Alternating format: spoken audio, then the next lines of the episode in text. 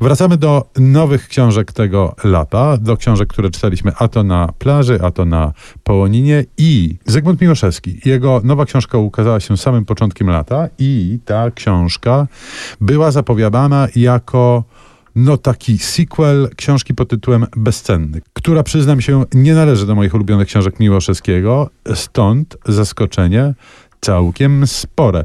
Jest to po prostu powieść akcji, przygodówka marynistyczna, ale zrobiona fenomenalnie. No tak, bo kwestia ceny, zbieżność tytułów w znanym opowiadaniu Sapkowskiego przypadkowa, ale odnotowana przez autora w posłowiu. Kwestia ceny to rzeczywiście jest pełnogębna, pełnoprawna powieść przygodowa i bardzo, bardzo pomysłowa. Muszę powiedzieć, że rzadko czytam regularne przygodówki. Po prostu jest to gatunek, który zazwyczaj pozostawia jakieś takie poczucie białowości. Miłoszewski jednak jest prawdziwym fachurą. On to zrobił świetnie, pomysłowo. Są tam różnego rodzaju smaczki i naprawdę jest to książka, którą można by nazwać śmiało inteligentną.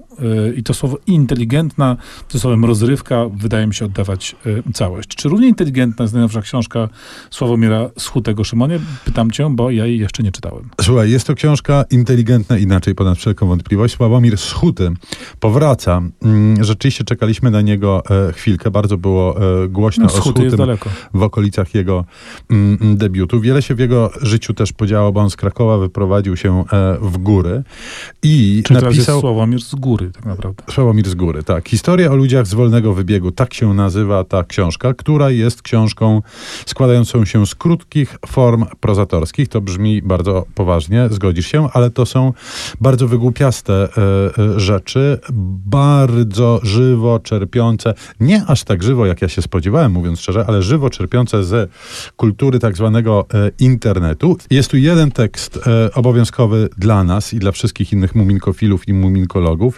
mianowicie Cień nad Doliną Muminków.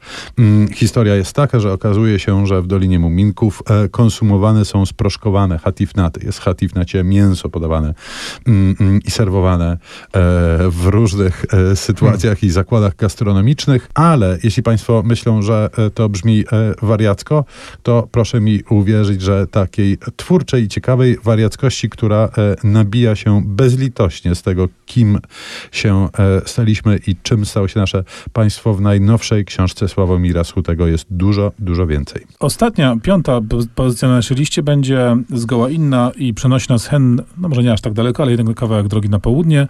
To najnowsza w Polsce, ale tak naprawdę bardzo już stara, bo debiutancka książka prozatorska Milienko Jergowicia, znanego y, w Polsce doskonale. Świetnie zadomowionego też, Świetnie, bo, bo tak, to chyba z 10 książek, jak coś koło tego, mam wrażenie, wyszło po polsku. Sarajewskie Marlboro to jest tom opowiadań, który znaliśmy tylko z kawałeczków publikowanych, a to w jakiejś antologii, a to w jakimś czasopiśmie. Te wszystkie kawałeczki zostały zebrane, przetłumaczone zostały przez Magdalenę Petryńską, te, których wcześniej nie znaliśmy. I tak dostajemy cały, w sumie nieduży, cienki, ale bardzo smakowity y, tom. To są historie z czasów y, wojny bałkańskiej i oblężenia Sarajewa. Ja mam poczucie, że nigdy dość czytać o tym, zwłaszcza jak pisze taki właśnie Jergowicz. To są drobne historie kosz- konkretnych postaci, konkretnych sytuacji, ale dające nam taką niepokojącą i napisaną niby nim- minimalistycznie, ale zarazem bardzo poruszającą y, panoramę. Jergowicz naprawdę jest świetny i y, Sarajewo, Bośnia pod jego piórem zawsze warte są uwagi, więc ja namawiam. A my zakładamy, że część Państwa się e, leniła e, albo czytała klasyków tylko i wyłącznie i że ta piątka jest do nadgonienia, a część z Państwa, która ma już te nowości letnie przeczytane, to niech wyczekuje pilnie nowości wrześniowych, które w piątce z literatury już niebawem. No a skoro było bałkańsko, to posłuchajmy muzyki z filmu Underground, skomponowanej przez znanego i wciąż lubianego bardzo Gorana Bregowicza.